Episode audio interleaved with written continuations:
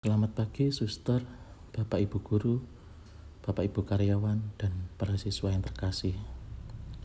Sebelum kita mengawali aktivitas kita sepanjang hari ini, marilah kita meluangkan waktu sejenak untuk mendengarkan sabda Tuhan. Marilah kita berdoa. Dalam nama Bapa dan Putra dan Roh Kudus. Amin. Tuhan, terima kasih Engkau telah menghantar kami di pagi hari yang baru ini. Kami mohon kepadamu, perbaharuilah diri kami di hari yang baru ini agar menjadi lebih baik. Ya Tuhan, sekarang bukalah pikiran dan hati kami untuk dapat mendengarkan dan merenungkan sabdamu. Inilah Injil suci Yesus Kristus menurut Matius. Dimuliakanlah Tuhan. Pada waktu itu Yesus bersabda, Celakalah kalian, hai ahli-ahli Taurat dan orang-orang Farisi. Hai kalian orang-orang munafik. Sebab kalian itu seperti kuburan yang dilabur putih. Sebelah luarnya memang tampak bersih, tetapi sebelah dalamnya penuh tulang belulang dan berbagai jenis kotoran. Demikian pula kalian, dari sebelah luar nampaknya benar, tetapi sebelah dalam penuh kemunafikan dan kedurjanaan. Celakalah kalian, hai ahli-ahli Taurat dan orang-orang Farisi, hai kalian orang-orang munafik. Kalian membangun makam bagi nabi-nabi dan memperindah tugu peringatan bagi orang-orang saleh.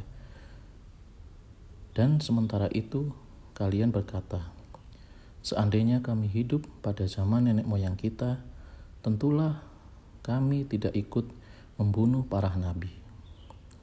Tetapi dengan demikian, kalian bersaksi melawan dirimu sendiri bahwa kalian keturunan pembunuh nabi-nabi itu.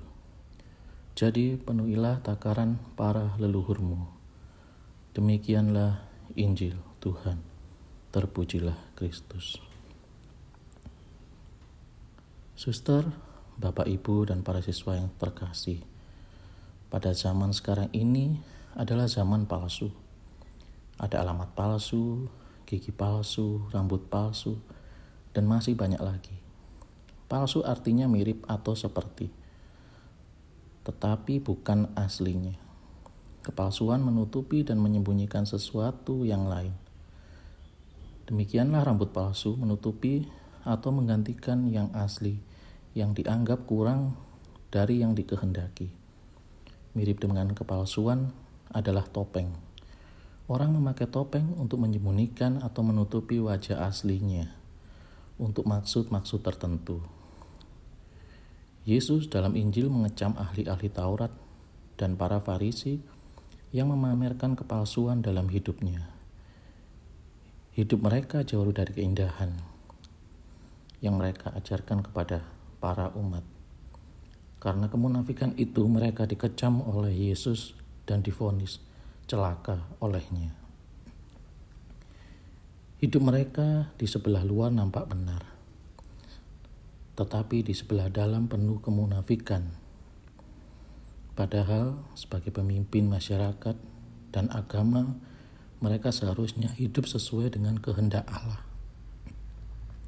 Sebagaimana dipesankan oleh Paulus kepada umat di Tesalonika, hidup sesuai kehendak Allah identik dengan hidup tulus dan jujur, apa adanya di hadapan Tuhan dan sesama, seperti yang direncanakan Tuhan saat menciptakan kita dan memanggil kita masuk ke dalam kerajaan dan kemuliaannya.